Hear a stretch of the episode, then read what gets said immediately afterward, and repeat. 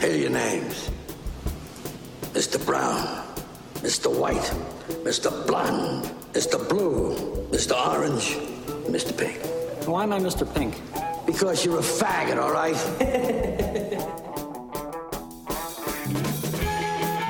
Ja tornem a ser aquí amb tots vosaltres al Reservoir Jocs 42.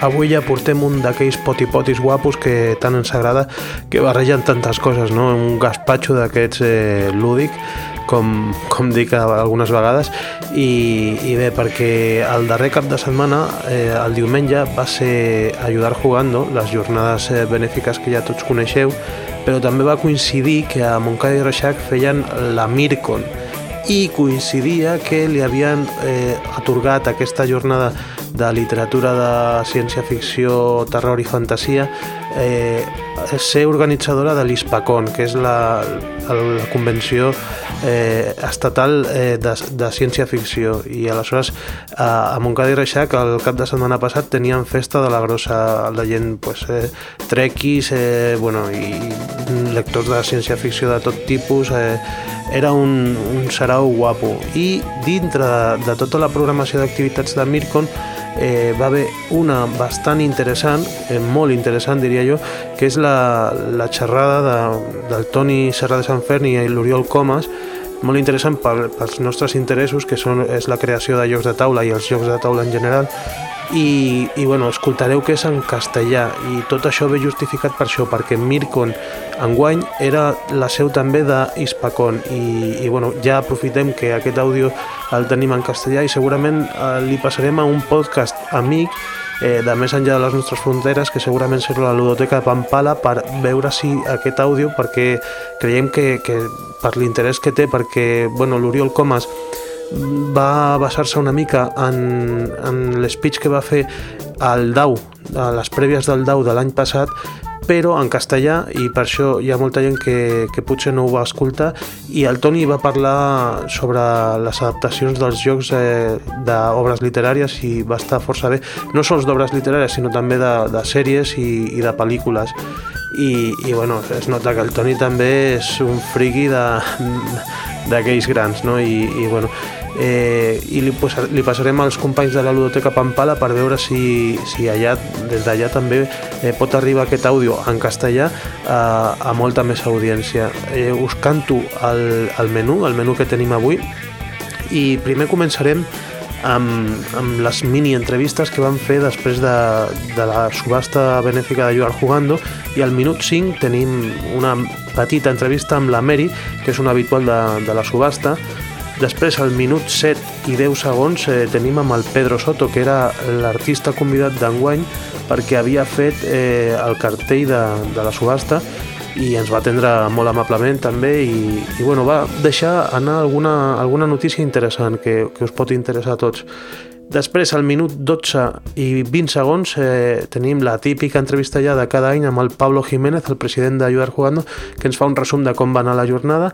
Al minut 16 i 20 ja ens anem a Mircon i Spacon amb, amb la part de l'Oriol Comas, que és quan la literatura parla de jocs, eh, molt interessant també, la veritat jo em sonava de l'any passat, però eh, la meva parella, per exemple, no va escoltar la, eh, la conferència de l'any passat i aquesta pues, li va agradar moltíssim al 34 tenim el Toni Serra de Sant Fern amb el seu, les seves conversions de, de jocs des de la literatura i al 64 ve el, el Jordi Nadal que, que ens parla de les partides però abans de parlar de les seves partides eh, ens parla dels escacs i bueno, els escacs eh, darrerament pues, eh, estan aquí no? és un joc que no passa mai de moda i, i bueno, fixa't, el, el Jordi es va veure una, una final d'un campionat us deixo ja amb tot el contingut i que ho gaudiu.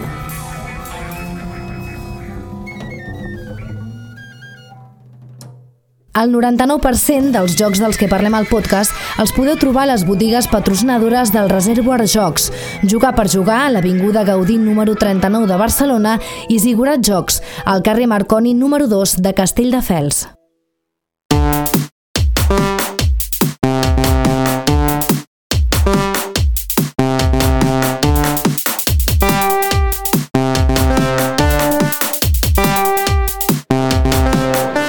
Estem a la subhasta benèfica d'Ajudar Jugando i com sempre tenim una protagonista ja més, després els buscarem, però una d'elles és la Mary, eh, que s'ha portat diferents subjectes. Què t'has portat aquest any, Mary? Doncs m'hem portat eh, el prototip de Polder, el prototip del Corre i Surt, del Doctor Metal·lúrgico, el prototip del Pere Pau, que és un wargame, i després el lot de Cairo, que són 5 jocs, més 5 els 5 prototips i un prototip sorpresa. I el lot final, que ha sigut un retrat fet pel Pedro Soto del que jo vulgui. Eh, la gent es preguntarà, eh, cada any t'emportes prototips, ets col·leccionista de protos? M'agrada, sí, m'agrada col·leccionar-los. I després els jugues? No, els guardo. Eh, quants prototips tens a casa? No sabria dir-t'ho, 15, 20, no sabria dir exactament. I sobre el retrat del Pedro Soto eh, hi ha hagut bastant cunyeta eh, perquè finalment el preu ha arribat a, a 250 has tingut també un patrocini extern i perquè, quina cunyeta hi havia? Tot va començar per Facebook, eh, vam començar a dir que estaria molt bé fer un dibuix de Basco disfressat de princesa. Vam començar a pujar amb conya i ha, sigut la, ha seguit la conya fins que eh, amb les eh, ajudes externes eh, serà basco, disfressat de princesa, amb un sonai de bebè i amb tanga. Això es podrà veure públicament? Eh, donaràs permís express perquè la gent tingui accés a xarxes socials o a la propera subhasta? I tant que sí. Doncs Vasco, ja, ja ho saps, eh, et veurem disfressat com? De princesa, amb tanga i amb un sonai de bebè. I princesa amb corona, sense corona? Això ho que vulgui el Pedro. El tem bueno, és que amb la corona igual surt beneficiat. Pues sense corona, sense corona, doncs. Vale, doncs gràcies, Mary. Buscarem a, a més protagonistas. Gràcies. Gràcies a tu. Estoy con Pedro Soto, que ha venido también a ayudar jugando 2014 y de hecho ha ofrecido un, un pack eh, un producto eh, que es el que ha alcanzado el récord de, pujas eh, en la subasta benéfica. ¿En qué consistía? Nos lo ha explicado Mary un poco por encima, pero al final ha derivado en algo surrealista que tú como, tú como el dibujante lo has llegado a entender. Eh, al principio no, al principio no, porque yo, yo lo que dije, bueno, pues voy a poner la idea, como en el Admonsen tuvieron cierto éxito los retratos que hice, pues dije en ese momento, bueno, pues voy a subastar el pintar un retrato digital a quien quiera, a él, a su niño, a su perro, a quien, como fuera pero la gente esta de la asociación, que son como una mafia corporativa, se han puesto a discutir entre ellos y a hacerse la puñeta y al final voy a tener que dibujar aquí al compañero grafista Vasco, como era vestido de princesa con un sonajero en la mano, unas alitas y un tanga, creo que era. Pero bueno, ya, ya lo tengo, ya lo tengo en la mente, ya más o menos sé cómo lo voy a orientar. Como tiene alas, eh, ¿te lo planteas como una expansión para Ragami? Sí, se lo podría plantear a Gil Dorey al autor, pero yo creo que era bastante estricto con el tema de que se pareciera a la película de Wim Wenders y yo no me imagino a Wim Wenders con algo semejante. me imagino a Terry Gilliam o alguien más surrealista, vamos, pero no. ¿Y como un primigenio para Guerra de Mitos? Eso sería interesante, un monstruo del King of Tokyo. Estaría, estaría muy bien dibujar a un vasco monstruo asolando la ciudad, estaría muy bien. Bueno, sabemos que tienes eh, también, aparte de, de, dibujar, ilustrar juegos, que tienes algunos prototipos. Eh, ¿cómo, ¿cómo, llevas los, eh, los que tienes? Por ejemplo, el de Baby Boar o el del Río. Bien, bien, les llevo bien porque ahí están bien, parados, ¿no? Lo que pasa con los prototipos en mi caso es que cada vez me cuesta más tiempo, desde que he tenido a la niña cuesta un poco más encontrar tiempo a jugar y cuando quieras a jugar con los amigos no les vas a forzar siempre a que prueben un prototipo tuyo porque quieres corregir una cosita u otra. Entonces yo soy una cosa, yo voy muy, lentito. El Baby on Board tiene muy buena pinta, tengo que hacerle ahora dos cambios, pero promete mucho, mucho. Y el Río, por ejemplo, yo ya le considero acabado. Este fin de semana el traído, he tenido la suerte de echarle una partida a tres jugadores además, que es una cosa que había probado igual solo 10 partidas partidas y funciona como un tiro y este año me planteo sacar tiempo para intentar traducir las reglas y empezar a enviarlo un poquito también en inglés, empezar a enseñarle fuera. Hablas de sacar tiempo y antes comentábamos que es justo lo que menos tienes y es lo que has ofrecido para ayudar jugando y bueno, eso te honra y, y bueno, pues eso, ¿estás en, en, mil proyectos, en alguno que puedas explicar de algo que se vaya a, a publicar? Sí, sí, sí, sí, yo ahora estoy con dos juegos, uno para Peca Editorial que es el Siren de, de Rodrigo de Roth que ya le tenemos muy avanzado el grafismo y yo ya me he comprometido en que en enero lo tendrán acabado y para construir una maqueta y ellos ya pretenderán o pedir precios para fabricación, moverlo por editoriales, para buscar compañeros de, de aventura, de producción. Y luego estoy con uno de Debir, que es el Narguil Bazar de, de Diego Ibáñez de Chemo, que ahí me han contratado también como, como un poco de editor para que esté en contacto con el autor, buscar un tema adecuado para el juego y tal. Hemos encontrado un tema victoriano que me apetece mucho, un tema de Sherlock Holmes.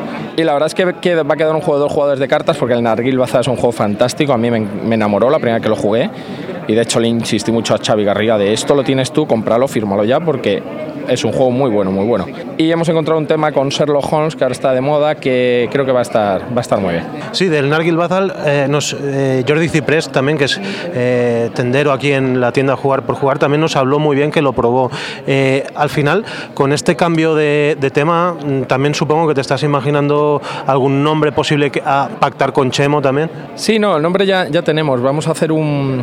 Al principio iba a ser, es como es un duelo entre dos jugadores, eh, lo que hemos cambiado en vez de ser un duelo entre dos comerciantes que buscan chilabas o pipas de agua de estas en un, en un bazar, eh, va a ser un tema de Sherlock Holmes contra su hermano Mycroft que sabemos que yo les comenté, digo, mira, Mycroft apenas ha salido en juegos de mesa y ahora está bastante de moda porque es un personaje muy interesante, el hermano listo de Sherlock Holmes, pero vago. Entonces aquí nos funcionaba muy bien inventar una temática donde los dos personajes se enfrentan en una investigación. Sale también en la serie de Sherlock. Ah, exactamente, sale en la serie Sherlock y cada vez le dan más protagonismo. Sale en las películas últimas con Robert Downey Jr.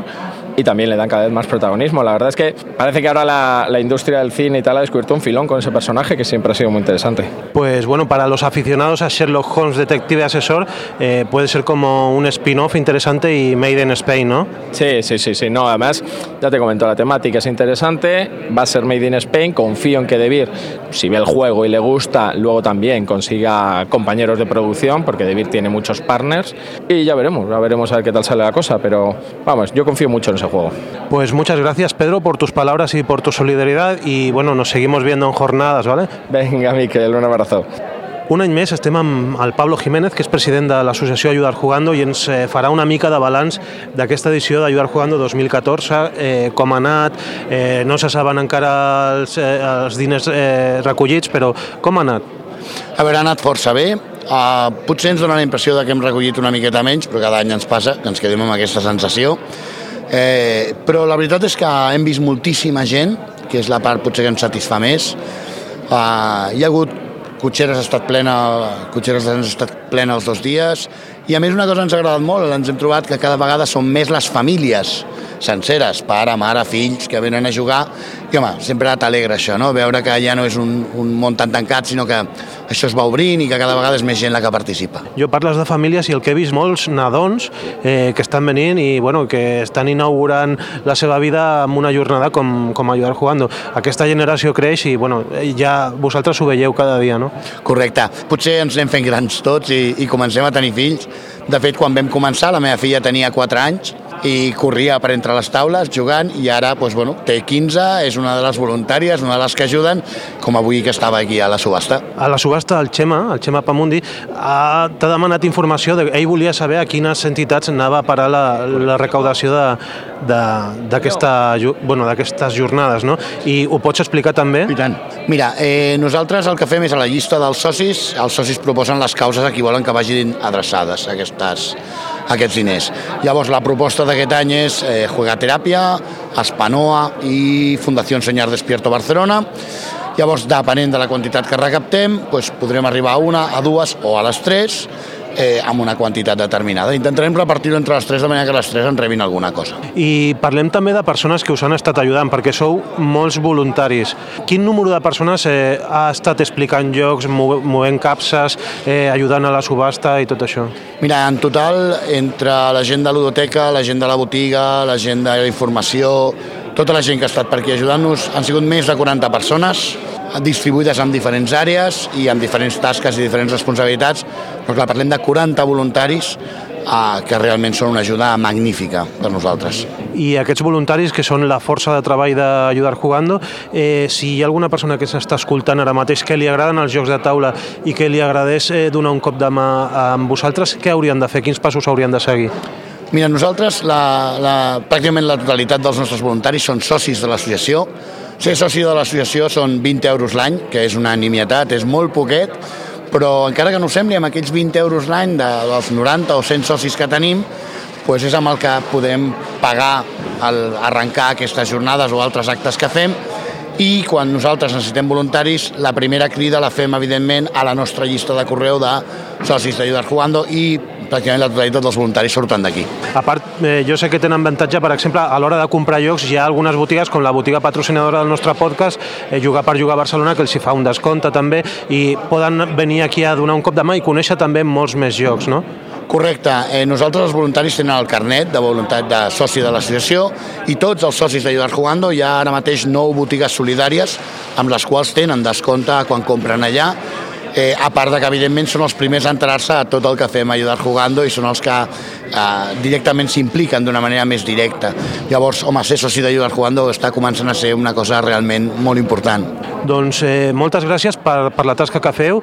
Crec que és hora ja de recollir, de recomptar diners i que, bueno, gràcies si ens veiem d'any en any, com sempre, i espero que sigui tot un èxit. Moltíssimes gràcies a vosaltres per estar aquí.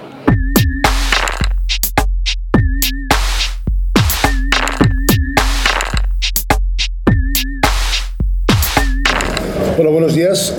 Gracias, gracias por invitarnos, gracias a vosotros por estar aquí.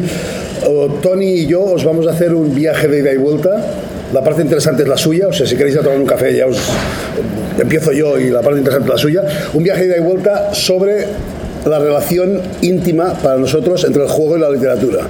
En la primera parte yo os voy a hablar un poco de cómo el juego interviene en la literatura, cuando la literatura se ha hecho juego, y no voy a hablar de rol y luego él hará lo contrario, hará cuando el, la literatura se hace juego. O sea, yo hablaré de cuando, cómo el juego ha intervenido en la historia de la literatura y él os explicará cómo el, la literatura se hace juego, con algunos ejemplos y con su manual para hacer un gran juego a partir de la obra literaria. Y si nos da tiempo, eh, hablaremos un poco de, de, de los dos Victus el Victus de verdad, que es el de, el de Tony, que saldrá entre febrero y octubre de del 2016. Es el de verdad que no existe y el tuyo que no es de verdad pero que sí que existe. O sea que tenemos... Y el mío que existe es el mes de mayo. Bien, para, para hablar de, de, de, juegos, de juegos y libros, me gusta empezar haciendo una, una pequeña reflexión, que es que jugamos desde siempre, aunque no leamos desde siempre.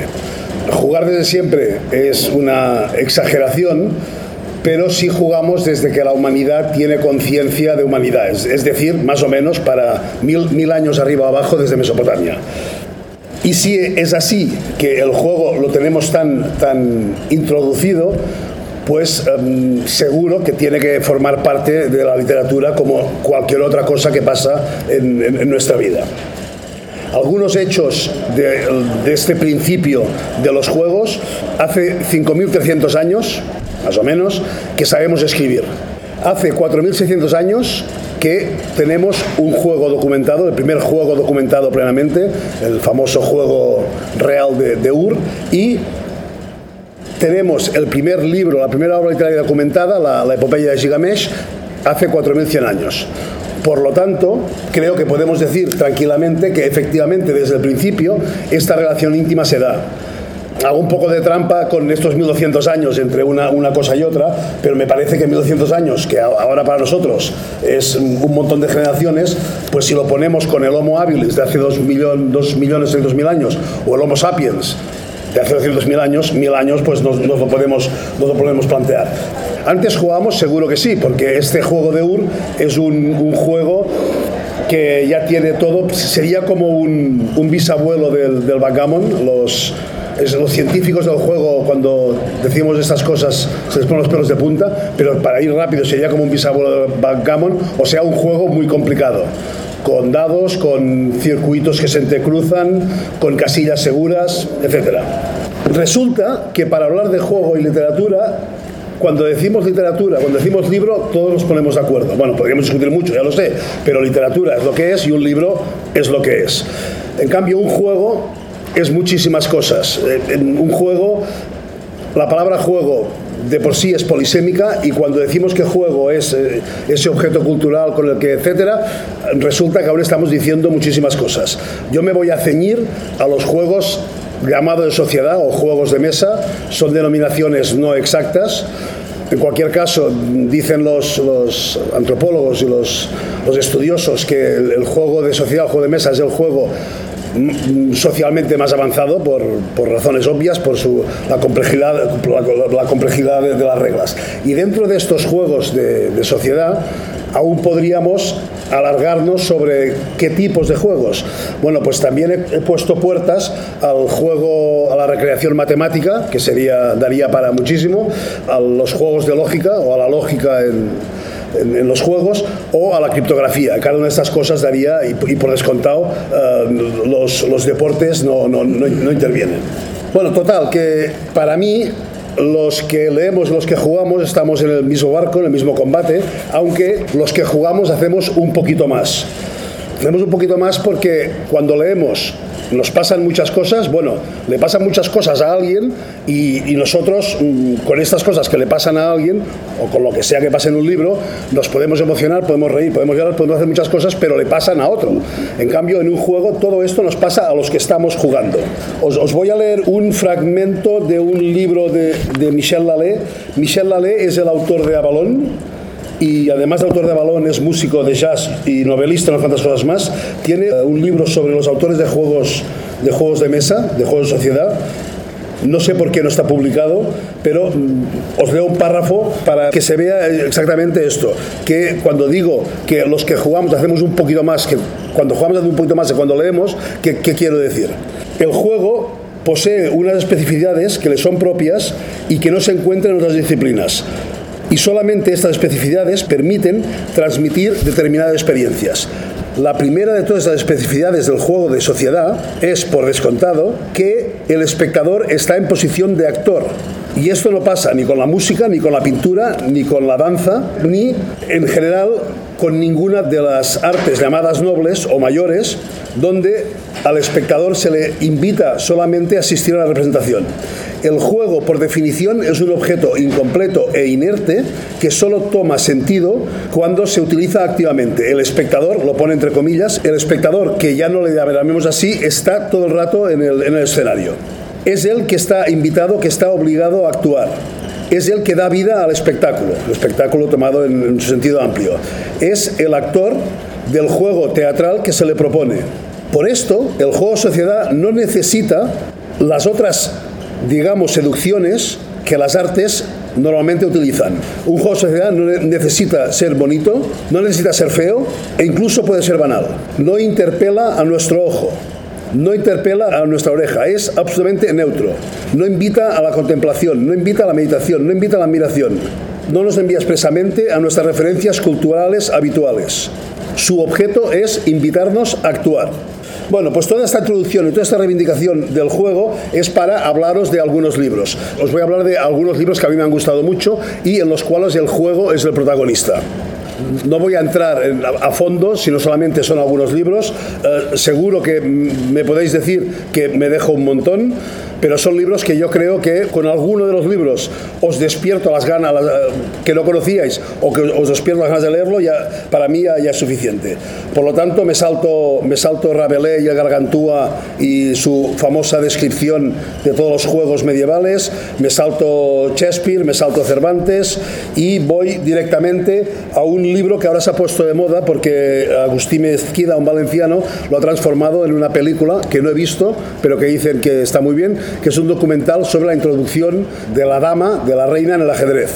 El ajedrez, que tiene unos mil años de historia, desde hace 500 tiene una figura que es la dama, que la introdujo, según cuenta Mezquida en esta película, Vicens, Francesc Vicens, un, un valenciano, que aquí lo, persiguieron, que se fue con los Borgia a Roma, que fue el prescriptor de, ajedrez de los papas Borgia y que fue el hombre que se inventó la reina. Pues bien, se inventó la reina y al mismo tiempo unos eruditos valencianos escribieron la primera obra literaria sobre el ajedrez, que se llama Escac d'Amor. Antes Vicens escribió su tratado y estos tres nobles valencianos lo tradujeron a un poema que es Escac d'Amor, es el ajedrez del amor, es una pareja, los, las blancas y las negras, que llevan un combate de amor a través del tablero. Os leo un párrafo en valenciano antiguo, es una, una novela en, en verso, tiene apartados para todas las piezas, para todas las casillas, para todas las cosas que pasan en una partida de ajedrez. Por ejemplo, lo peor del rei va en la quarta casa. Lo camp partit i tota la gent presta. Lo gran guerrer amb l'ensenya vermella mogué tant tost a tota sa requesta, prenent amor per nom en sa querela. E tramé a través lo camp de la vella lo pus valent peó de la conquesta, lo qual tira dos passos de versella. Movent aquest lo rei, raó descobra, e lo camí de voluntat se obra. Es muy poético, mm, es esto una, una, una lucha de amor. Siguiendo con el ajedrez, el ajedrez que eh, para la, mucha gente es una de las cimas del pensamiento humano, del arte, del deporte, de muchas cosas, y para otra mucha gente es una disciplina aburridísima, como que efectivamente es una de las cimas del pensamiento humano, solamente de tratados ajedrecísticos, la última vez que lo miré en una enciclopedia alemana, hace unos años, había reseñas de más de 20.000 libros solamente de técnica ajedrecística. Yo creo que pocas disciplinas en el mundo han provocado tantísima literatura especializada científica. Hay eh, libros famosos, La defensa de, de Nabokov, la novela de ajedrez de Zweig, Alicia habla del ajedrez y muchísimos más. A mí me gusta mucho un cuentito de Suskin, El combate, que un maestro de ajedrez decide mm, dejar de jugar, o una obra de teatro que tengo por aquí de David Barbero, Gambito de Dama, que es una, una obra de teatro, la guerra entre dos, entre dos campeones, Alequini y Capablanca, en 1927 en Buenos Aires. Y con las cartas pasa lo mismo y lo mismo que pasa con el ajedrez pasa también con el Go, con la diferencia que al Go lo conocemos menos. Jorge Luis Borges, que era un erudito que sabía de todo, le dedicó un soneto a Go que mmm, no me resisto de leerlo. Hoy, 9 de septiembre de 1978, tuve en la palma de mi mano un pequeño disco de los 361 que se requieren para el juego astrológico del Go ese otro ajedrez de Oriente. Es más antiguo que la más antigua escritura y el tablero es un mapa del universo. Sus variaciones negras y blancas agotarán el tiempo. En él pueden perderse los hombres como en el amor o en el día. Hoy, 9 de septiembre de 1978, yo, que soy ignorante de tantas cosas, sé que ignoro una más y agradezco a mis númenes esa revelación de laberintos que ya no exploraré. Pues bien, ese antiquísimo juego oriental, ese otro ajedrez de Oriente, ha dado también pie a muchísima literatura y solo os hablo de dos libros que para mí uno de ellos es de los libros que más me han emocionado y el otro de los que más me han divertido. Que más me han divertido es, es Shibumi de Trebanian que es la, historia de un agente doble o triple, eh, ruso, chino, japonés y no sé cuántas sangres más tiene, le corre por sus venas, que es jugador de ajedrez y que es jugador de Go. Y tal jugador de Go es que el libro, que Trebanian, ordena el libro según una partida de Go. Empieza con el Fuseki hasta que se carga el, el Nikolai Hell, el protagonista se carga todo lo que se quiere cargar. El otro es El maestro de Go, del, del Nobel Kawabata. Es de los pocos libros que me han hecho llorar, pero a moco tendido. Es una crónica de una partida de Go. En el treinta y tantos, Yasunari Kawabata era cronista de Go de un periódico japonés y lo mandaron a cubrir la partida entre un gran maestro en el ocaso de su vida en Japón. Los maestros de Go son considerados héroes nacionales, siguen estirpes que se, se prolongan a lo largo de los siglos. Pues bien, este maestro le reta digamos, a un, campeonato del mundo oficioso, le reta un, joven, un joven jugador. Y juegan solamente una partida. Y el libro es la crónica esta partida, la crónica periodística, con sus diagramas, se explica la partida jugada a jugada. Pero lo que transmite este libro es la lucha entre toda la tradición en Japón, sobre lo viejo, sobre lo que tenemos de siempre, contra el joven impetuoso que solo quiere llevar todo por delante y solo ansía la victoria. Ganó el joven, poco después el, el maestro murió, etcétera. Por último, un par de libros más, ya os dejo con, con Tony. El hombre de los dados, de Luke Reinhardt, es un, una novela que a mí, a mí me, me, absorbió por, por completo. Si no la conocéis, es la historia de un psiquiatra que se llama como él, el escritor es psiquiatra, y describe su autodestrucción porque decide un día que su vida se va a regir por la tirada de los dados Si tiras un dado pueden pasar 6 cosas, si tiras dos dados pueden pasar 36 cosas, si tiras 3 dados pueden pasar 216 cosas, si tiras 4 dados 1294 cosas. Bueno, entonces el, el Luke, el protagonista de la, de la novela, empieza, pues me voy a jugar mi vida a los dados. Tiro un dado, si sale un 1 no pasa nada, si sale un 2 hoy me emborracho, si sale un 3 me prostituyo y mm, cuando ve que con 6 cosas solamente no puede hacer, pues se va complicando en la vida a sí mismo. Entonces dice, va, con dos dados, y si sale un 2 me suicido. Si sale un 3, eh, le digo a mi mujer que se busque un amante y toda su vida acabas con una obsesión de que hasta dónde llegará este hombre, pues llega hasta el asesinato de donde haga falta. Y casi por último, eh, Rayuela de, Rayuela de, Cortázar, que lo conocéis de sobras, eh, Rayuela es eh, uno de los grandes ejemplos con, con la vida, instrucciones de uso de Georges Perec de lo que es un libro juego. Luego los, juegos han sido muchas más cosas. Con el rol el libro se hace juego totalmente, pero estos dos libros son, eh, primero conceptualmente, el Rayuela de, de Cortázar, cuando él dice, este libro son muchos libros, pero sobre todo son dos libros, uno que se lee del capítulo 1 al 63, todo corrido, y el segundo saltando de aquí a allá, como se salta la, la- rayuela, dice, bueno, pues este hombre está, está jugando con nosotros, y no, realmente el rayuela se puede leer de las dos maneras, y son dos maneras muy posibles. El, otro,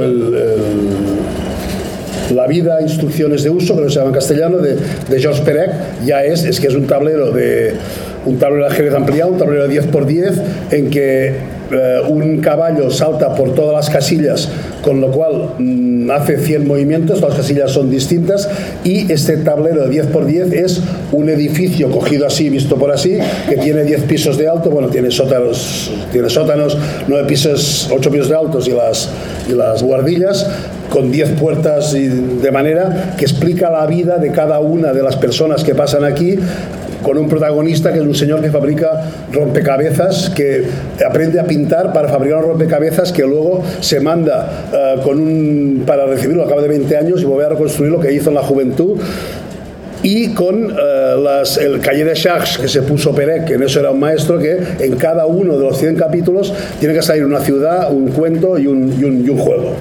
Y ahora sí, ya acabo con un libro que seguro que ya conocéis, que es el- La décima víctima de, Robert Sheckley. La novela se llama La séptima víctima, la película se llamó, la película de Mastroianni se llamó La, la décima víctima y de este libro eh, salió un juego que para la gente que jugamos un- es un, un must, el killer. Y acabo leyendo mm, donde Sheckley explica el juego, lo, lo conocéis, ¿no? Es, un- es un- una persecución, ahora serían los Juegos del Hambre, sería algo así, de una, caza del hombre como deporte que hay en la sociedad del futuro, en la que la computadora de los juegos tenía duplicados en todas las capitales del mundo y arbitraba los destinos de todos los cazadores y las víctimas. Seleccionaba y emparejaba al azar a los antagonistas individuales, registraba los resultados de los enfrentamientos, otorgaba premios en metálico a los ganadores, transmitía el PSM a los familiares de los derrotados y alternaba a los jugadores como víctima o cazador, ya que debían seguir jugando irrevocablemente hasta que de uno de ellos había alcanzado el límite arbitrario de 10. Las normas eran simples. La caza estaba abierta a todo el mundo, hombre o mujer, sin discriminación de raza, religión ni nacionalidad, de edades comprendidas entre los 18 y los 50 años. Los que entraban en el juego lo hacían por 10 cacerías, sirviendo alternativamente 5 veces de víctima y 5 de cazador. Los cazadores recibían el nombre, la dirección y la fotografía de su víctima. Las víctimas eran informadas simplemente de que tenían un cazador detrás de ellas. Pues bien, con esto acabo mi pequeño periplo de, de libros que me han gustado mucho y sobre todo libros que donde el juego es el protagonista. Os dejo con Tony, gracias.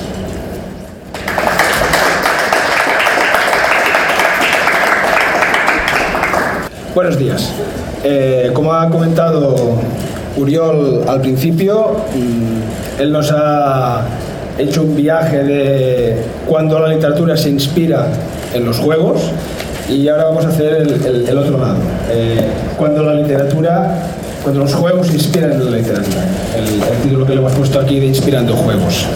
Una aclaración antes de, de empezar. Cuando hablemos de literatura será un poquito más amplio. Hablaremos también de cine, series de televisión, etcétera, etcétera. Un autor de juegos adapte una novela a juego de mesa en sí mismo es el mismo trabajo que adaptar una película o adaptar una serie de televisión o adaptar un cómic. ¿Vale? Es decir, es adaptar un mundo, adaptar una historia que un escritor o un comiquero o lo que sea ha inventado a un mecanismo de, juego, de mesa. En el mundo de los juegos de mesa tenemos un, una enciclopedia que es la BGG, eh, donde todos los aficionados a los juegos van votando sus juegos, van saliendo las novedades. Si nos centramos en los 25 juegos mejor votados en esta lista, veremos que juegos eh, basados en novelas, en literatura, hay relativamente pocos. En la, base, en la base esta de datos hay, a fecha de hoy, casi 70.000 juegos. Nos centramos en los 25 primeros, eh, vemos que entre los 25 primeros solo salen 4. Tenemos que irnos hasta el número 13 para encontrarnos uno que está basado en Robinson Crusoe. Eh, en el número 15, La Guerra del Anillo, basado en la obra de, de Tolkien. Luego en el número 22, Star Wars X-Wing, que es un juego basado en los combates de naves de Star Wars. Y en el número 25, Battlestar Galactica, que está basado en la serie de televisión del año 2004 de, de, Galáctica. ¿Por qué tan pocos? Creo yo, ¿por qué tan? Eh, siendo la literatura una fuente muy amplia y muy fructuosa para historias y tramas y ambientaciones para los jugadores. Porque la literatura eh, no es fácil de adaptar. Un juego de mesa es como un campo abierto, es, es como si estuviéramos en una situación de dos dimensiones. Eh, es un sitio que el jugador puede ir para la derecha, para la izquierda, para adelante, para atrás. Es decir, el jugador, el usuario del juego de mesa, tiene la libertad para hacer muchas cosas. En cambio, el lector podríamos decir que es un poco unidimensional. Mm, el autor o, el director de la película, lo que sea, te dice la historia que hay y tú la vas mirando, pero no tienes mucho poder de decisión en ese momento.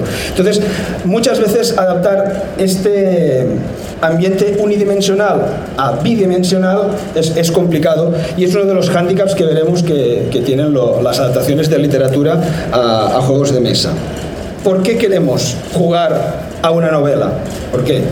Bueno, pues tenemos que una novela sería esto, una ventana desde la cual pues vemos un dragón que está luchando contra, contra unos caballeros, pero tú estás aquí, en esta ventana, viendo lo que está haciendo los caballeros esos. En cambio, lo que está diciendo el juego de mesa sería esto. Tú eres el caballero que te viene el dragón hacia ti. No estás fuera de la, situación, sino que estás dentro. En los dos casos hay una inmersión en el mundo. Mm, te puedes implicar más o menos con lo que estás leyendo y en el juego te puedes implicar más o menos en lo que estás viviendo, pero igualmente es una inmersión y estás aceptando unas leyes que el escritor ha dado en su momento y tú las aceptas y, te implicas con ellas. En cuanto a juegos basados en literatura, podríamos establecer cinco tipos. Los lingüísticos, no sería esto bien, pero bueno, como que tocan literatura, pero serían juegos lingüísticos eh, que no serían de novelas necesariamente, pero bueno, para que veamos que con, con la lengua, con las palabras, con las letras, también se puede, se puede jugar. El Scrabble, el mismo, que el mismo vendría a ser el Scrabble 2.0, una evolución de hoy en día mucho más, más dinámica. Luego eh, tendríamos los, los juegos de rol. No nos vamos a meter con los juegos de rol. Yo soy súper rolero y creo que eso eh, para entrar en juegos de rol merece una, una, conferencia aparte. Pero aquí tenemos las tres grandes ambientaciones eh, históricamente de los juegos de rol. Eh, los mundos de Lovecraft, las novelas de Lovecraft, que dieron el, Call of Cthulhu, la llamada de Cthulhu, el mundo de Tolkien, que dio eh, el juego de la Tierra Media, y el mundo de George Lucas de Star Wars. Luego tenemos los narrativos. Aquí ya nos vamos empezando a acercar un poquito. No es que se basen en novelas, pero sí que en los juegos narrativos se exige del jugador una cierta creatividad en cuanto a historias. El Sí, Señor Oscuro, por ejemplo, en el cual representa que un jugador es el Señor Oscuro, los dos jugadores son goblins que tienen que explicarle por qué han fracasado en su misión contra los buenos, ¿no? Entonces es un juego de narración, de diálogo, el Once Upon a Time, un juego donde los jugadores entre ellos crean una novela, un, un cuento, una novela fantástica, o un poquito menos narrativos, pero también tienen su parte de creatividad, el Dixit. Y, y así que entramos igual, eh, más hacia los juegos que vamos a, a- a centrar la, la explicación, que son los juegos que le- yo le llamo inmersivos. Es decir, los juegos que sí que hay una novela, hay una trama, hay un, un argumento y en el cual nosotros entramos en esa historia que alguien ha inventado eh, previamente. Los juegos inmersivos los voy a dividir en dos tipos, los tematizados o inspirados y los argumentales. Los tematizados inspirados son juegos en los cuales normalmente se toca un aspecto concreto de la historia. Por ejemplo, cuando hemos visto el X-Wing de Star Wars. Ahí no pasa nada, no hay Jedis, sino que hay combates de naves. Entonces eh, es una recreación de una parte de, la historia de de Star Wars, pero nos centramos solo en un aspecto. No se acostumbran a reproducir los eventos de las novelas en los tematizados. Y tampoco revives ni reescribes la historia, ni sigues la historia novelada, sino que te centras nuevamente en, algunos aspectos. A los argumentales es el otro lado. Toca la novela de manera más, gener- más general, se acostumbran a reproducir los eventos, las situaciones que se dan en las novelas y la partida acostumbra a seguir un cierto patrón argumental. Es decir, cuando acabas la partida puedes llegar a explicar la historia de lo que ha pasado mientras estabas jugando. Antes de empezar con tipos de juegos de estos que veremos así un poquito muy rápido para que veamos unas cuantas fotos, vamos a comentar para llegar a estos juegos inmersivos lo que yo le llamo la regla de los tres ganadores. Tres reglas que se tienen que cumplir para que un juego inspirado en una novela o en un libro tengan éxito. El uno, el primero que tiene que ganar para que la novela, el- el- la adaptación de la novela a juego de mesa tenga éxito, los fans. Eh, la novela la ha escrito una persona, pero hay mucha gente que la ha leído. Si la gente que se ha entusiasmado con la novela, si la gente que la ha disfrutado, si la gente que quiere más de esa, de esa novela, no, se lo va, no, no va a encontrar algo bueno en ese juego, ya podemos plegar. Los fans son entusiastas eh, y además son los defensores, los que van a ser los guardianes de la esencia de la novela.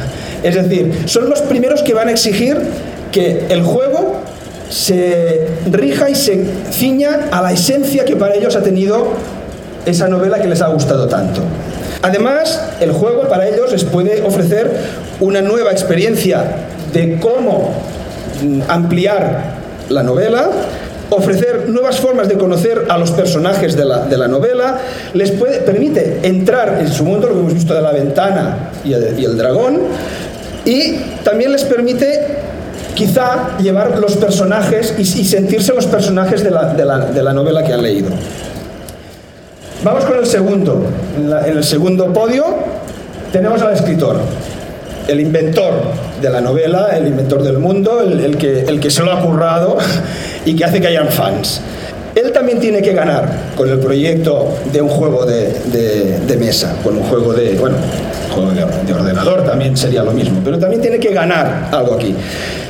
¿En qué? Bueno, Vamos a hablar de, de escritores, pero no vamos a hablar de los... O sea, vamos a hablar de la mayoría de los escritores, que no son ni, ni R. Martin, ni, ni los, los grandes de- eh, ventas, sino que la mayor parte de los escritores es, gente eh, que trabaja para sí mismo, con mucha ah, visión artística, que crean su mundo, que tiene muchas ganas de dar a conocer su obra. Entonces, si decides hacer un juego de mesa de, de- de un escritor que no sea gran mediático, conseguir la implicación del escritor es importante, que se sienta que el, juego de mesa le aporta algo a su mundo. También que hagas un juego de mesa de un escritor es una manera de llegar a más fans, que más gente de otros ámbitos pueda conocer la obra del escritor. La obra- el juego de mesa puede llegar a complementar la obra, añadiendo cosas que igual no han salido en el libro o dando ah, posibilidades de, de- de realizar acciones que, no- que en el libro no quedan contempladas porque era más unidimensional. Y por último, el último que tiene que ganar es el que hace el juego de mesa, el que, el que se lo inventa. Tiene que sentirse a gusto. Eh, también como la gran mayor parte de los escritores, el, el, autor de juego de mesa es vocacional, lo hace porque quiere, no, no excepto Nicia y algún otro, no, no se dedican a vivir de esto. Eh, por tanto, tiene que ser un reto interesante y tiene que ser una cosa que le venga de gusto hacer al, al, autor. Por tanto, tiene que ser un buen juego para él. Él tiene que sentirse con ganas de desarrollar ese juego. Hacer un juego de mesa de, una novela también te permite, por, por, otro lado, acercarte a un sector que no es el tuyo de juegos de mesa, sino que es el, sector de, los, de los lectores. Y te permite incluso completar la obra del, del escritor con cosas que tú puedes aportar al, al, libro que ha hecho el, el, escritor. Ahora vamos a pasar a ver un poquito los juegos más uh, de mesa más conocidos inspirados en obras literarias. Iremos muy rápido, hay, hay bastantes, iremos muy rápido, pero para escenificar que cuando el autor coge una novela y lo pasa a juego de mesa, hay una norma y es que la mecánica está al servicio del tema. Es decir, eso es un debate en los juegos de mesa que si temática, que si, que si mecánica, nunca nos ponemos de acuerdo. Pero en este caso está clarísimo. El punto de partida es la novela. Por tanto, la mecánica tiene que ser la que haga falta para que se cumpla la primera regla, que la esencia de la novela esté reflejada en el juego de mesa. Y para eso no puedes decir, no, no, voy a adaptar uh, El Señor de los Anillos, pero voy a hacer un tipo Oca. No, porque los lectores de los Anillos no quieren eso. Entonces tienes que buscar qué mecánicas hay en el, mundo de los juegos de mesa que te permitan que la experiencia que, tengan los jugadores se adapte a que les va un paso más allá a lo que ha sido leer el libro. Y veremos que hay muchas mecánicas diferentes. No es que dices, no, es que todos son un tablero, mover un peón, todos son cartas. No. Cada uno de estos juegos veremos muy rápido que ha elegido caminos totalmente diferentes, pero todos son juegos que cuando los juegas, la esencia de la obra original está ahí. El Robinson Crusoe eh, en este caso es un juego colaborativo. Los jugadores juegan todos juntos contra el juego porque tienen que conseguir salir de la isla. La guerra del anillo, aquí no. Aquí tenemos solo dos jugadores que se enfrentan entre ellos. Uno lleva el bando de Sauron y el otro lleva eh, el bando de los pueblos libres. Y además es lo que llamamos un juego asimétrico. Las condiciones de victoria de uno no son las mismas condiciones que el otro. No todo el mundo tiene que conseguir llegar al centro del tablero, digamos. O sea que cada uno además adapta su manera de jugar y su manera de ganar al rol que le ha tocado de, su bando. Eh, Arkham Horror, uh, Mundos de Lovecraft. También vamos a encontrarnos con que es un juego colaborativo como en el caso de Robinson Crusoe. Pero aquí hay una exploración del mundo. Tenemos un tablero donde está Arkham, la ciudad de Arkham, inventada por Lovecraft, y los jugadores van por aquí buscándose la vida, intentando conseguir objetos, intentando cerrar los portales de los dioses exteriores que intentan dominar el mundo. El Juego de Tronos. Aquí, en este caso, eh, veréis que hay juegos que arriba tienen una T de tematizados, otros tienen una A de argumentales. Este es tematizado porque aquí no pasan los eventos del juego, de, de, la novela de Juego de Tronos, sino que simplemente tenemos el mapa en el cual ponemos las diferentes casas y esa es la excusa para que entre los jugadores se enfrenten todos contra todos y hagan pactos para decidir quién es el que acaba dominando más territorio del, del, del continente de Juego de Tronos. El juego de cartas de los Anillos también es un argumental, pero en este caso Uh, le he puesto argumental porque hay una historia, pero no es la historia de los Anillos, sino que en cada partida hay una historia diferente. Entonces, sigue mucho el tema de cuando acaba la partida, has visto, hemos empezado, ha pasado esto, hemos ido aquí, hemos ido allá, sigue un, un argumento basado en el mundo de, de Tolkien. En este caso es un juego de cartas, aquí no hay tablero, aquí es colaborativo, son dos jugadores, uno o dos que se enfrentan a, a las criaturas de, de, del malo. Eh, Sherlock Holmes. Este es muy interesante. Sherlock Holmes, alguien podría decir que es colaborativo, pero a mí no me gusta esa palabra, me gusta más grupal. Porque en el fondo Sherlock Holmes es un solitario. ¿vale? Es un juego en el que hay un mapa, hay unos diarios, hay unos, libros, un, libro de, casos que es muy parecido a los librojuegos. Y se te presenta un caso, un asesinato, y tienes que empezar a, a moverte por el mapa. En cada mapa hay el número donde tienes que leer en el libro de casos qué pista te dan y tienes que resolver eh, el caso. Y Sherlock Holmes lo resuelve con tres pistas y tú te tardas 12, pero ahí está, porque es Sherlock Holmes. Pero la gracia es que es grupal, es decir, aunque sea solitario, puedes reunirte cuatro personas y hacerlo conjuntamente. Y ahí es donde está la esencia de Sherlock Holmes, porque realmente te sientes Sherlock Holmes y Watson. Es decir, los dos, si eres dos, estáis decidiendo y expresando en voz alta qué crees que ha sido asesino, quién crees que aquí, yo iría allí, y realmente se reproducen los diálogos entre Sherlock Holmes y Watson delante de, de- de un caso determinado. Eh, Drácula, la furia de Drácula. Este sería tematizado, porque no, no se centra mucho en las tramas, pero sí que eh, se centra en algún aspecto de la novela, que es que Drácula pues, se ha movido por Europa y el resto de jugadores, que es un jugador, y el resto de jugadores se dedican a intentar atraparlo. Bueno, no, no necesariamente vemos cuando muerde a, Mina ni cosas de estas. Star Wars, eh, The Queen's Gambit lo mejor de la primera película de Star Wars, este juego, de, la amenaza fantasma.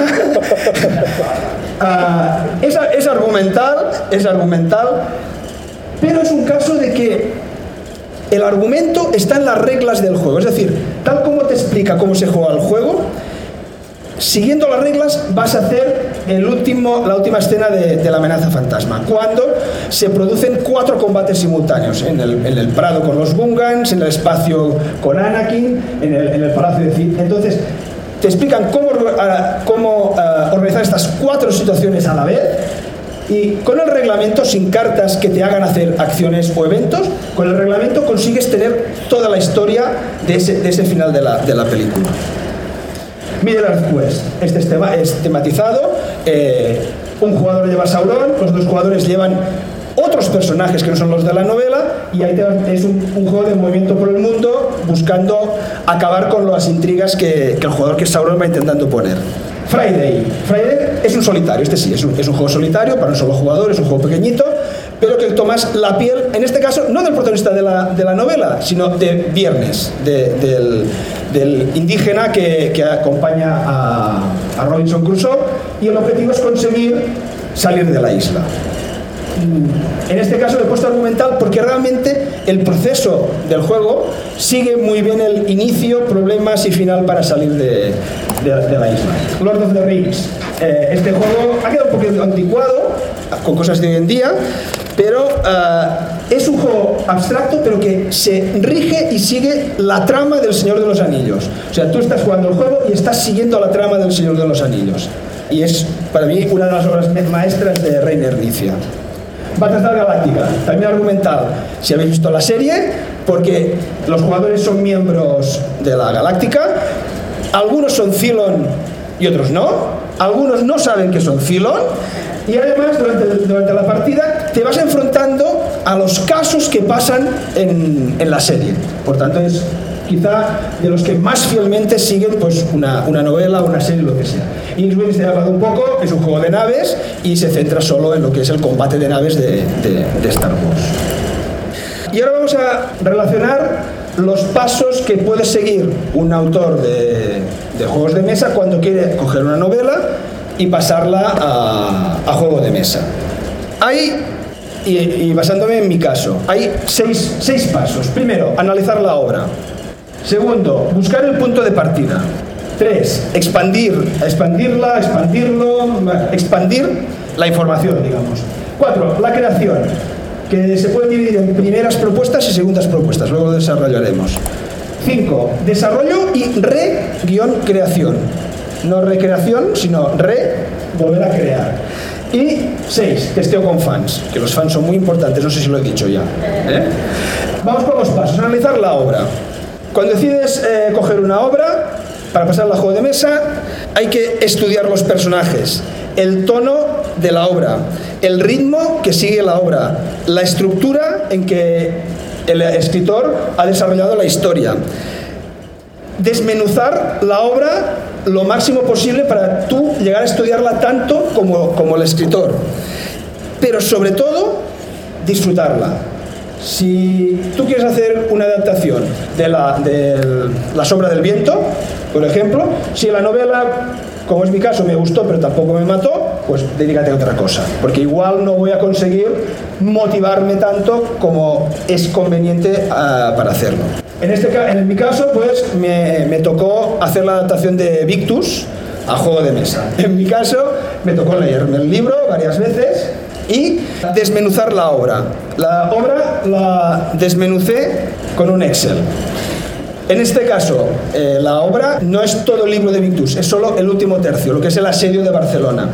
Las 200 páginas de ese fragmento de, de la novela se convirtieron en 686 entradas, en 686 fragmentos de frases que eran susceptibles de aportar algo al juego.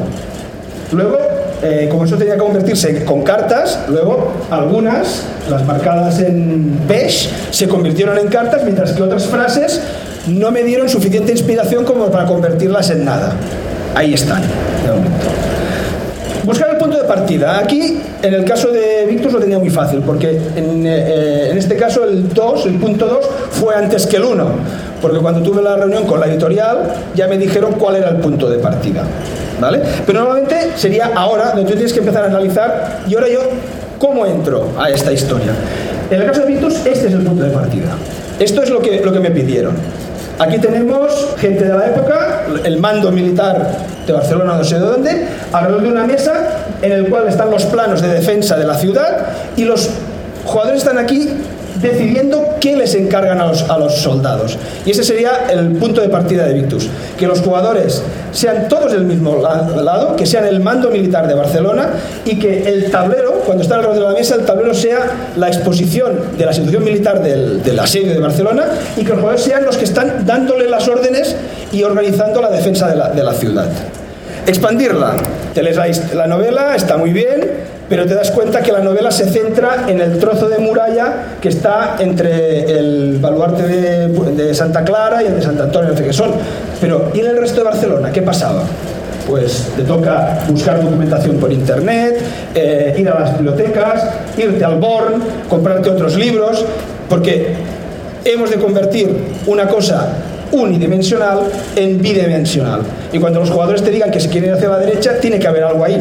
No puedes decir, no, no, no, solo por este lado. No, tienes que dar eh, opciones a, a, los jugadores. Creación. Bueno, pues luego viene el, el periodo uh, íntimo del, del creador, donde le das dando vueltas al coco y vas pensando cómo haré el juego. Pero cuando lo tienes pensado, lo que te toca es hacer una entrevista eh, con el editor o con el autor o con quien sea para decirle, he pensado esto, si llevas más de una propuesta, mejor, porque el otro tiene que decirte, pues me gusta esto, me gusta la otra, o no me gusta ninguna. Si no me gusta ninguna, tienes que ir a por segundas propuestas. En mi caso, esta fue la primera propuesta que presenté. Ya está. La hoja esta, con estos garabateados, yo aquí estuve explicando de cómo iría el juego y me lo aceptaron. Pero de esto al juego final, aquí hay un 60% de lo que ha habido al final, porque luego es cuando viene el desarrollo. Y cuando ves que las ideas que has tenido, algunas funcionan y otras no. Este, y ahora vamos a entrar con algunas imágenes. Este es el primer mapa que eh, creé yo para el juego. ¿eh? Muy bonito. Este es el primer mapa que yo creé. Pero después de un año de desarrollo y de jugar y de probar, se convirtió en otra cosa. Al inicio tienes que estar acostumbrado a que eh, creas un mapa, creas unas cartas, creas unas fichas, lo juegas, lo tiras y creas otras. Luego poco a poco cada vez destruyes menos, pero al principio tienes que estar predispuesto a destruir mucho, porque tú piensas una cosa y luego no funciona. Este es el primer mapa y el último mapa que diseñé yo cambiaba un poquito. Debido a los cambios que hay. Os parece más o menos igual, pero si lo fuéramos tirando para para atrás, veríais los, los cambios más detalladamente. Luego, esto tan bonito, desgraciadamente, llegan los diseñadores gráficos y esto que es tan chulo, te lo convierten en esto otro. ¿Dónde vas a parar, no? Pero eso es lo que más o menos va a acabar siendo el tablero cuando esté a la venta. Con las cartas pasa lo mismo. Están las primeras cartas que creé yo para, para el juego, que luego al final habían tenido algunas modificaciones. ¿Veis que se han hecho más pequeñitas? Porque una de las cosas que haces cuando crees que vas quitando paja. Esto no, esto sobra, esto sobra, fuera, para afuera. Eh, y aquí nos va a pasar lo mismo. Se me han metido los diseñadores gráficos por en medio y eso tan útil que se ve muy claro cada campo donde está con los colorcitos. Luego me meten estas cosas que dice, bueno, pobre, pobres jugadores, ¿no? Van a tener que jugar con, con, estos dibujos tan chulos. Pero bueno, esto es lo que va a haber luego al final en, en, en el juego. Y finalmente, las fichas de los borbónicos. En este caso sí que no ha habido evolución por mi parte. Eh, como que las fichas borbónicas eran números, pues yo jugaba con números los dibujitos me daba igual. Aquí sí que luego cuando el diseñador gráfico te lo pasa luego a juego de mesa, le tiene que dar otro colorido y tenemos unos borbónicos disparando aquí fusiles. Y al final, cuando has hecho todos los desarrollos y crees que el juego está acabado, ya lo tienes todo muy bien, atención, porque igual te vuelves al punto uno, porque viene el testeo con los fans. Y aquí es cuando te puedes encontrar que te has desviado de la esencia, o que el juego a los, a los fans no les gusta. Podría ser. Lo que pasa es que cuando has hecho todo ese trabajo es difícil volver para atrás. Pero en ese momento es cuando llega el momento de la verdad en que tienes que ver si realmente lo que tú has ido haciendo, los jugadores se lo pasan bien jugando y si sienten pues que se sienten agobiados porque los borbónicos no paran de entrar por las murallas, si tienen la sensación de que es que no vamos a poder ganar porque se nos acaban los recursos, si tienen la sensación de que es todo malo, no hay buenas noticias en ningún momento, si eso se da, entonces me siento contento porque veo que es lo, que yo quería. Y ahora Uriol nos va a hablar de, de su Victus. En un minuto. Estoy totalmente de acuerdo en, los pasos que, propone Tony para, para hacer un juego. Bien, el, en mi caso, el, yo tuve la suerte que me cargaran este, este juego. Los autores de juegos a veces nos inventamos un juego y vamos a, intentamos que alguien nos lo compre y a veces, como es el caso, nos, encargan un juego. En el, en el, yo creo que Tony y yo hemos tenido la suerte de que nos encargaran un juego. En mi caso, además, yo soy fan de Sánchez Piñol. Lo he leído todo lo he leído todo y me gusta mucho. Y cuando me dijeron, ¿quieres hacer un, juego sencillo de Victus? Y dije, mira, justamente estoy releyendo la novela, o sea que para mí fue un, fue un regalo. El punto de partida en este caso era un juego sencillo, de cartas y que respirara novela. Eh, cuando dice Tony que llegas al punto 6 y igual que voy a empezar, en mi caso llegué al punto 6 y la editorial dijo, no estamos seguros que la gente que ha leído Victus vean Victus en, en este juego para mí estaba muy claro, pero en este caso la editorial, si hubiera sido un juego había creado yo, me habría ido por la puerta, ya está. Pero en este caso, pues volvimos, volvimos a empezar de cero, manteniendo la esencia del juego. Y la esencia del juego es la confianza. Victus de cartas se basa en, el protagonista de la, de la, novela, Martí Zubiria, que es un hombre profundamente contradictorio con él mismo, que es leal y traidor a la vez y le pasan unas cosas por la cabeza que son, son inimaginables. En su vida le pasan muchas aventuras, en su cabeza va, y viene y, a veces ni él sabe por qué. Pero es un hombre que acaba siendo fiel a, a, su ciudad lo pierde todo, menos la vida, lo pierde todo por, por la ciudad y uh, el juego ocurre el día 11 de septiembre de 1914 a las 8 de la mañana.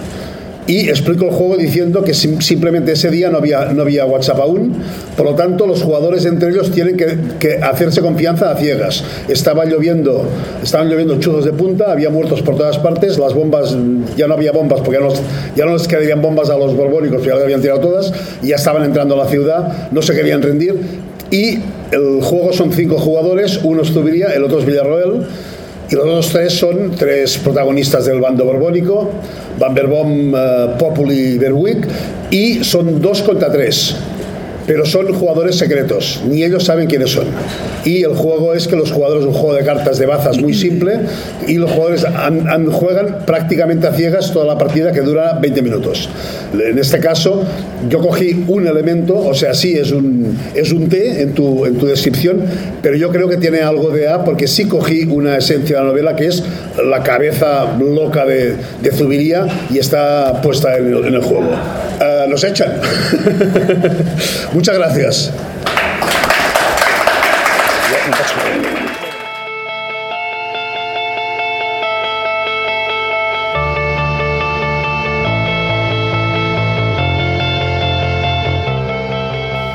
Ei, què tal companys? Benvinguts a la secció Lost in Translation. Us parla Jordi Nadal des de la terra dels Magyars. Abans de començar a comentar partides, volia compartir una petita notícia relacionada en el món dels jocs de taula. I és que el mes de novembre es va jugar la final del Campionat Mundial d'Escacs. El noruec Magnus Carlsen ha revalidat títol davant del Indi Vishianan. Eh, jo vaig veure algunes de les partides i la veritat és que va ser força interessant. No havia vist mai una final de campionat mundial així en directe, però va ser força interessant, tot i que no ho recomano molt perquè les partides solen ser entre una i 4 o 5 hores normalment.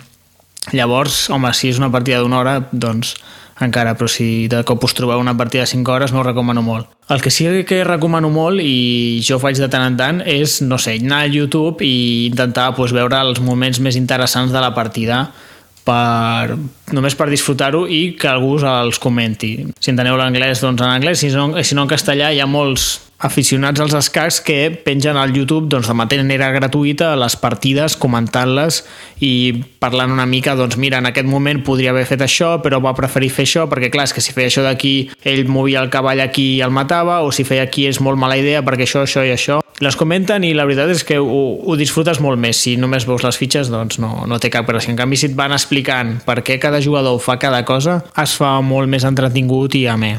Comentar així una mica ràpidament que Magnus Carlsen és el segon campió mundial que no és soviètic, és a dir, que no és de l'escola soviètica d'escacs. El primer va ser Bobby Fischer i ara tenim el noruec.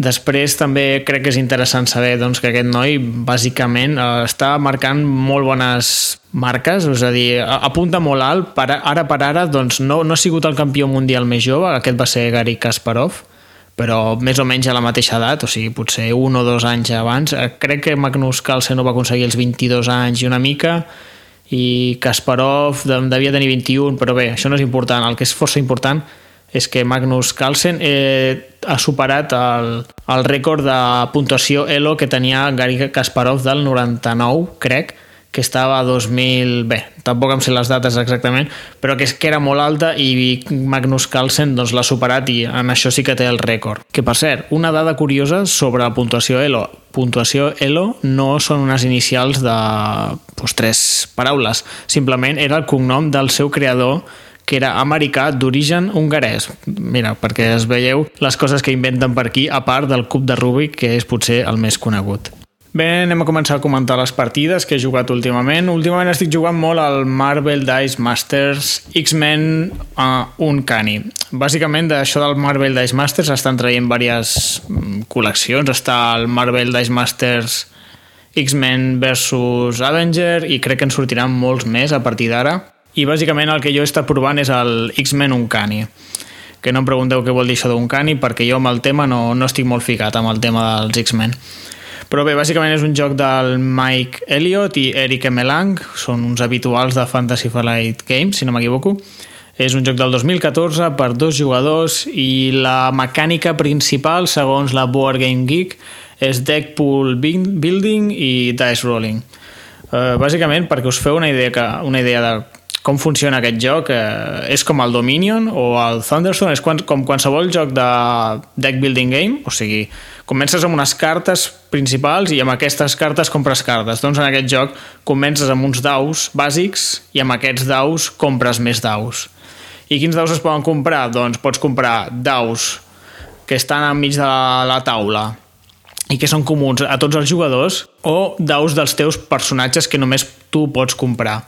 I a part d'això, doncs, els daus, a part de donar-te energia per comprar altres daus, eh, també els pots convertir en una espècie d'esbirros, que em sembla que en anglès es diuen sidekicks, que bàsicament són com els ajudants dels superherois, com una espècie de Robin del Batman, això és un sidekick. Tot i que literalment crec que vol dir patada lateral. Però bé, eh, doncs això, amb els daus pots, pots, eh, pots agafar, aconseguir energia per comprar altres daus o aconseguir aquests esbirros. I quan compres, per exemple, uh, un dau d'un superheroi, doncs el fiques a la bossa i al pròxim torn robaràs daus i podràs mm, invocar per parlar en termes de màgic eh, el nou superheroi que tens. Uh, aquest joc ens, ens està agradant bastant, la veritat. No hi juguem del pal com juguem a Netrunner, que està allà cadascú jugant amb la seva baralla, intentant fer-ho pel campionat i tal, no tan competitivament, però estem en un rotllo molt de, doncs, quedem, juguem a Netrunner, juguem el que sigui i quan queden 10-15 minuts, ostres, fem unes partides al Marvel... De... Vinga, sí, vinga, fem unes partides. I, I és força ràpid, no has de pensar molt, té el rotllo de tirar els daus que li dona, eh, no sé, li dona bastanta gràcia, així és bastant més eh, relaxat jugar jugar-hi que comparat amb el Netrunner, per comparar-ho amb el joc que juguem habitualment. Altres avantatges que li veig al joc és que, a part de que juga molt ràpid i el rotllo de tirar daus que és molt relaxant, bueno, tampoc relaxant, però ja m'enteneu, és molt més distret. Eh, els daus són molt bonics, vull dir, a mi em van agradar força, són d'una qualitat molt acceptable i són relativament barats. Què vol dir això? Eh, la caixa bàsica, si no m'equivoco, costa uns 13 o 14 euros, eh, aquí a Hongria val uns 4.000 forins, doncs això, uns 13 o 14 euros i cada booster pack, o sigui, els venen eh, sobres d'ampliació, rotllo màgic, però amb una o dues cartes i un parell de daus. Doncs aquests sobres els venen per un euro. Llavors, mm, és relativament assequible, almenys si vols comprar la caixa bàsica i jugar amb allò amb els teus amics. Falten forces cartes, però es pot jugar força bé. Nosaltres és amb el que juguem i es fa distret. Si t'agrada molt, doncs pots comprar una altra caixa bàsica o pots comprar més sobres, a veure si surten nous herois amb nous daus i tal.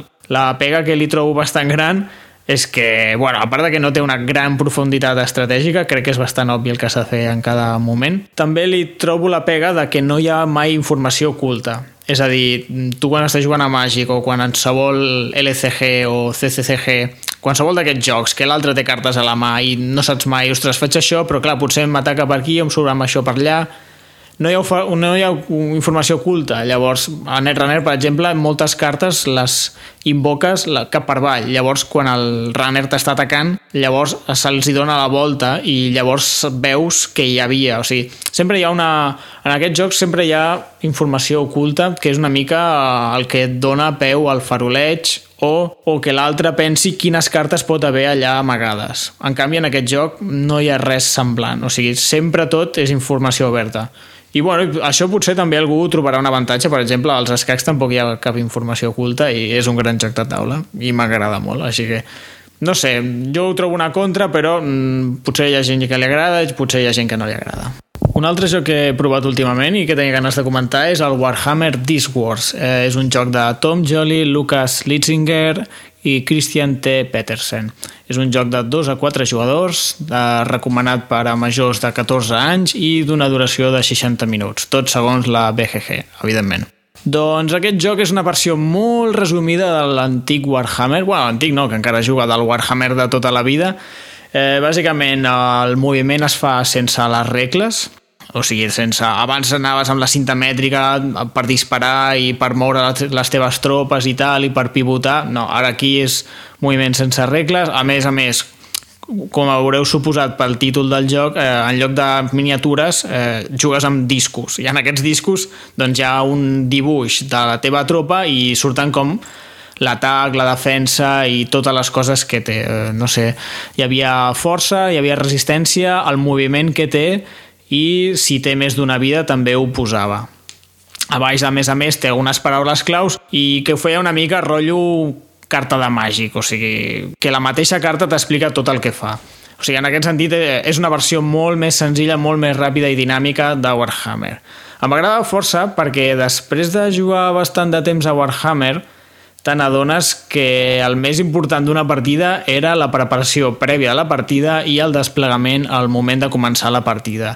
Un cop la partida començava, mm, hi havia algunes decisions que fer, però la veritat és que la alea jacta és, la, la suerte estava echada, o sigui, no, ja estaves venut a vegades i a vegades que ja tenies la partida mig guanyada. Recordo eh, un cop, eh, una de les últimes partides que vaig jugar a Warhammer 40.000, jo portava la Guàrdia Imperial, que perquè us feu una idea, són els humans més dèbils que hi ha, però que tenen uns tanques superpepinos. Llavors, en tota la, la meva gran estratègia era ficar els tanques al final del mapa i jo al cost... i totes les meves tropes petites al costat dels tanques i esperar que vinguessin i, bueno, i amb sort estàvem suficientment lluny com per fotre-li uns quants canonazos i rebentar la majoria de les tropes. Doncs a una de les últimes partides que vaig fer, el meu contrincant, que s'havia preparat molt més la partida que jo, es va ficar totes les seves tropes en una espècie de explorador o sigilo que bàsicament en lloc de començar a 60 centímetres de mi va començar a 30 i va començar ell i després de moure estava a 15 centímetres.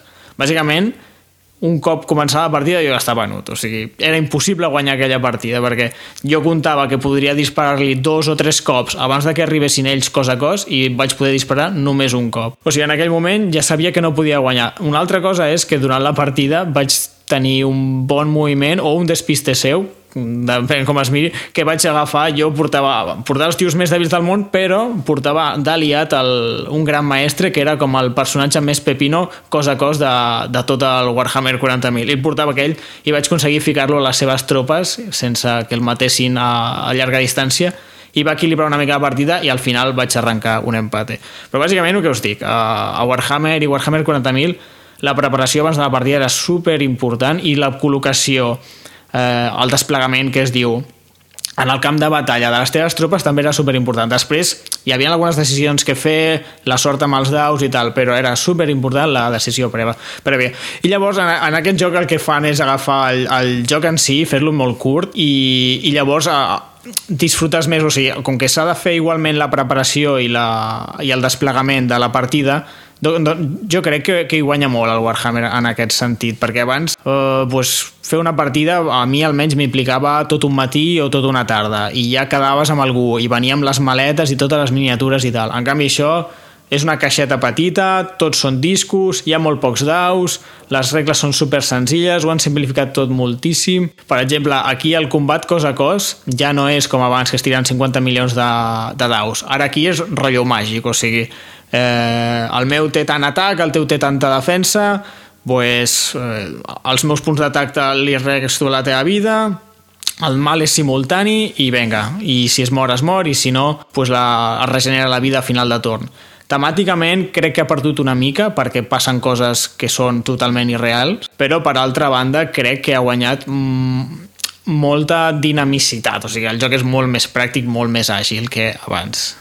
Ara us comentaré una mica com va anar la partida. Jo portava els orcos aliats amb els Scavens i el meu contrincant, que per cert es diu Volaix, però no és el Volaix que acostumo a parlar, aquest és un Volaix nou. Eh, el, meu, el meu contrincant portava eh, Imperio aliats amb Altos Elfos. Llavors, la, una altra de les gràcies d'aquest joc és que cada jugador porta un heroi al, al qual se li assignen unes tropes i, i, bueno, i pots fer moviments i al principi del teu torn escolleixes una carta que eh, decidirà qui comença. O sigui, una carta és una mica el rotllo Juego de Tronos, al joc de cartes, per qui hagi jugat, que al principi del torn sempre escollies una carta d'entre diverses que tenies disponibles i allà aquella carta et deia, doncs, quan rebries i tal. En aquest joc és el mateix. Escollies una carta i aquesta carta et dirà quantes ordres pots donar, o sigui, quantes tropes podràs moure aquell torn, i a més a més, eh, qui començarà, quanta iniciativa tens. I aquí no és tant o, o un número més alt, un número més baix, sinó simplement és una espècie de pedra, paper o tisora. Hi ha com tres, tres paraules clau uh, en aquestes cartes i depèn quina escollis, guanya a una altra però perd davant d'una altra. Llavors, després de dir això, o sigui, al principi del torn escolleixes una carta que eh, diu una habilitat especial, també quantes tropes mouràs i a veure qui començarà. Doncs vaig escollir les cartes i, i bàsicament portava un orco supergordo amb un drac, o sigui, és que la fitxa era enorme, o sigui, vale que era una fitxa però el disc era enorme i jo m'imaginava que era un orco muntat en un drac que a sobre feia màgia. Pues portava aquest amb uns quants orcos i, i les rates petitetes amb que el seu jefe també era petit, era un mag també que feia màgia. Doncs bàsicament el que vaig fer al principi és sortir corrents per intentar atacar el més ràpid possible amb els meus orcos i els meus escavens i quan estava a punt d'arribar em vaig adonar que el meu enemic, eh, els Altos Elfos i l'Imperio, s'havien ficat molt bé, eh, s'havien col·locat molt bé en una cobertura. En aquest joc, al principi de partida, eh, els jugadors escolleixen eh, entre diverses eh, peces d'escenografia per ficar al tauler i aquestes peces, doncs, bàsicament el que et donen és algunes avantatges i inconvenients.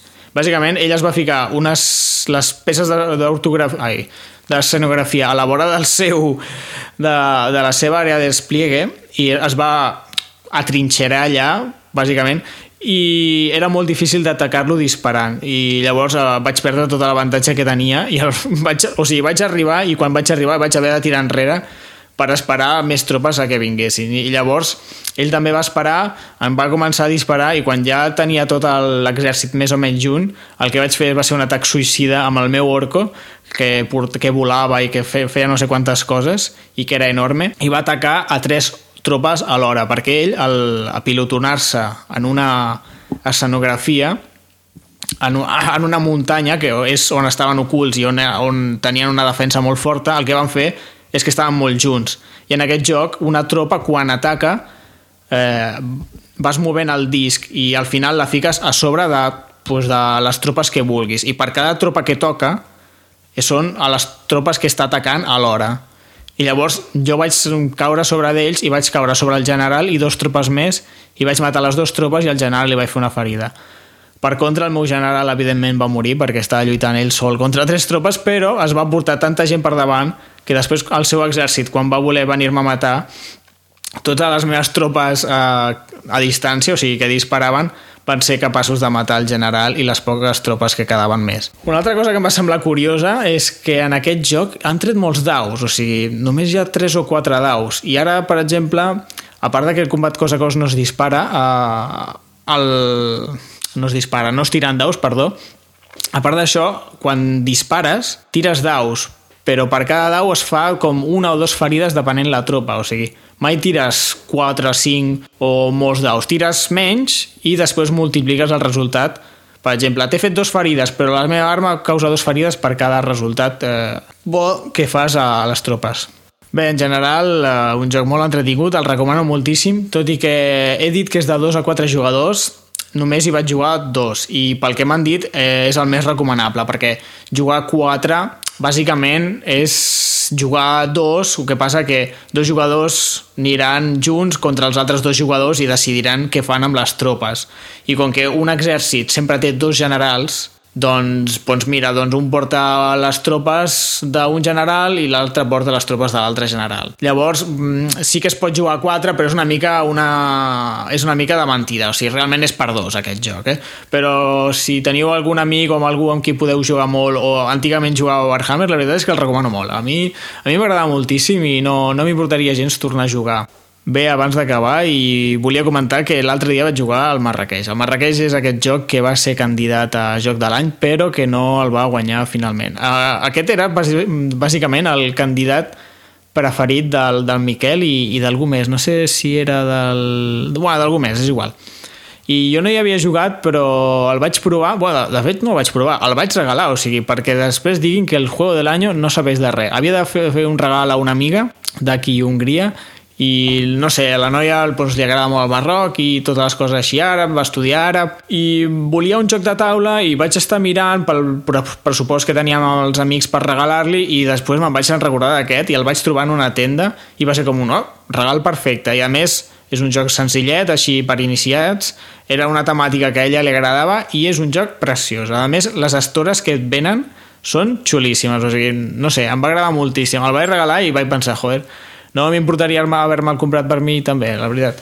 A veure, és un joc molt senzill per mi, però eh, està molt bé, en sèrio. O sigui, si heu de fer un regal a algú no iniciat en els jocs de taula, la veritat és que està bé. I no sé, el fet de que es digui tant que el juego de l'any no sabés de res, doncs mira, almenys se li pot atribuir una compra, perquè el fet de que el nominessin va ser, va ser una raó per la qual jo el vaig conèixer i després, pensant un joc per regalar, al final el vaig regalar. És a dir, per res, per res, per alguna cosa serveix el joc de l'any. Bé, companys, això ha sigut tot per avui. Espero que no us hagueu mort de fàstic a la meva secció. I ja sabeu, crítiques, insults, amenaces de mort... Vaja, qualsevol tipus de feedback serà benvingut. Apa, adeu. We had a one despite